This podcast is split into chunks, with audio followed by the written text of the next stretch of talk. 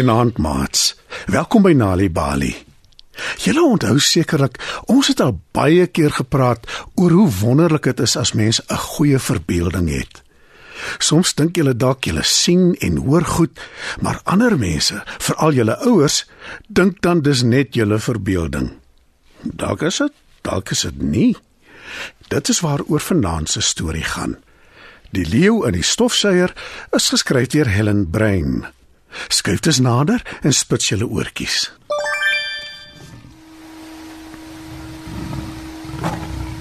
Mamma, Roep Toby terwyl sy ma die mat in hulle sitkamer stofsuig.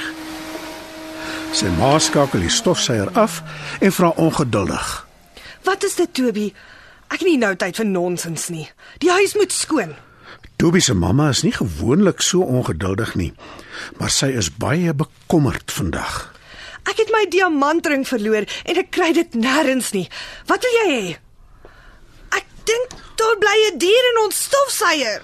Sê Toby en voeg by: Een wat hard kan brul. "Nou raak Toby se mamma vies vir hom en sy sê: Ag nee, Toby, regtig. Toby is afgehaal en probeer verder verduidelik, maar sy mamma keer hom en sê: Help my liewer om die ring te kry. Toe, kom ons soek dit. Mamma en Toby kyk onder elke kussing op die sitkamerbank en stoele. Dan gaan hulle na die eetkamer toe en kyk onder die tafel. Daarna soek hulle onder al die beddens in die slaapkamers. Maar mamma se ring is skoonveld. Sy sug diep en sê: Nou ja. My diamantring is nêrens in die huis nie. Dis duidelik. Ek weet nie hoe ek dit vir pappa gaan sê nie. "Mamma bære die stofsuier in die kombuiskas." Toe gaan sit sy moedeloos op die sitkamerbank en staar voor haar uit. Toby gaan kombuis toe en haal 'n skroewedraaier uit een van die laaie. Hy's nog steeds nuuskierig oor wat se dier in hulle stofsuier bly. Hy kry die stofsuier uit die kas waar mamma dit geberg het en begin die dop afskroef. Ek weet jy's hier binne, wat jy ook al is, en ek gaan jou laat uitkom. Hy haal die dop van die stofsuier af en sien daar. Hy was reg.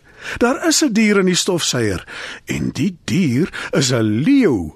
'n Klein goudgeel leeu spring uit die stofsuier en sê: Uiteindelik is ek vry. Baie dankie. Toby kyk verwonderd na die klein leeu. Hy wil hom nog vra hoe hy in die stofsuier beland het, maar die leeu spring hom voor en verduidelik hoe nuuskierigheid hom in die penarie laat beland het.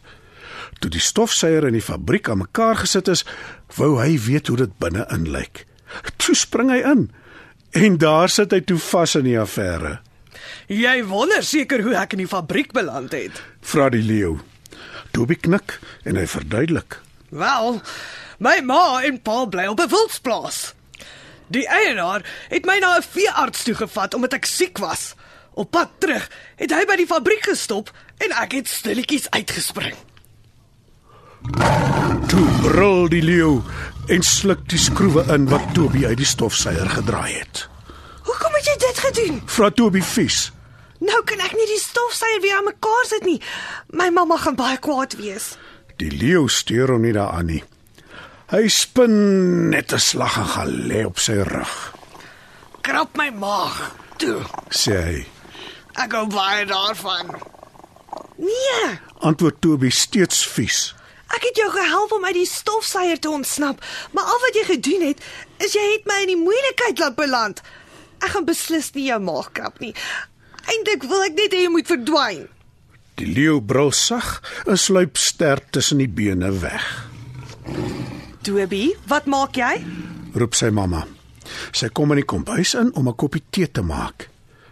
Toe sy sien die stofsuier is uitmekaar gehaal, sê sy kwaad: Ag nee. Wat 'n stoutigheid het jy aangevang?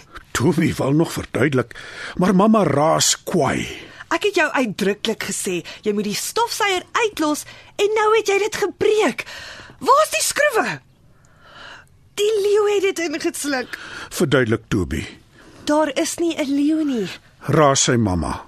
My ring is weg en die stofsuier is stikkend. Wat maak ek nou, hè? Gaan na jou kamer toe en gaan dink oor wat jy aangevang het. Mamma is so kwaad, sy vergeet skoon van haar tee. Toby loop druipstert na sy kamer toe. Hy gaan sit kop onderste bo op sy bed en hy voel baie jammer vir homself. Toe hoor hy skielik 'n gekrap krap. Hy kyk op en sien die leeu by sy kamervenster. Dis hy wat so krap aan die ruit om Toby se aandag te trek. Wat wil jy nou weer hê? Vra Toby vies toe hy die venster oopmaak. Jy het my nou al klaar in die moeilikheid laat beland. My mamma is baie kwaad vir my. Gaan net weg asseblief. Ek moet nooit weer terugkom nie. Ek is jammer. sê die leeu. Ek wou nie gehad het jy moet in die moeilikheid kom nie. Wat kan ek doen om jou te help? Jy kan niks doen nie. Al wat miskien sal help is as jy my ma se diamantring kry wat sy verloor het. Dit maak al baie hartseer. Sê Toby, Oeps. sê die leeu. Wat bedoel jy oeps? Wil Toby weet? Ek uh, ek uh, ek dink ek weet miskien waar die ring is. sê die leeu. Nou toe sê my dan. Vra Toby gretig. Waar's my mamma se ring? Hier. sê die leeu. Hy haal diep asem, toe huk hy 'n slag en daar spoeg hy al vier die skroewe van die stofsuier en Toby se mamma se ring uit. Toby spring op en af van blydskap, Wonderlik. sê hy, en hy kielie sommer dadelik die leeu se maag. Die leeu spin van genot, Baie dankie. Jy's 'n baie baie soet leeu. sê Toby. Hy sit die stofsuier se dop terug en skroef vinnig die skroewe in. Toe spoel hy sy mamma se ring af en vryf dit mooi blink. En daarna maak hy vir haar 'n koppie tee en sit die ring in die piering. Hy dra die tee na die sitkamer toe en gee dit vir sy mamma wat hartseer op die bank sit. Hou sy's na aan trane, Hierso mamma. sê Toby. Hier's 'n koppie tee. Ek is jammer ek was stout.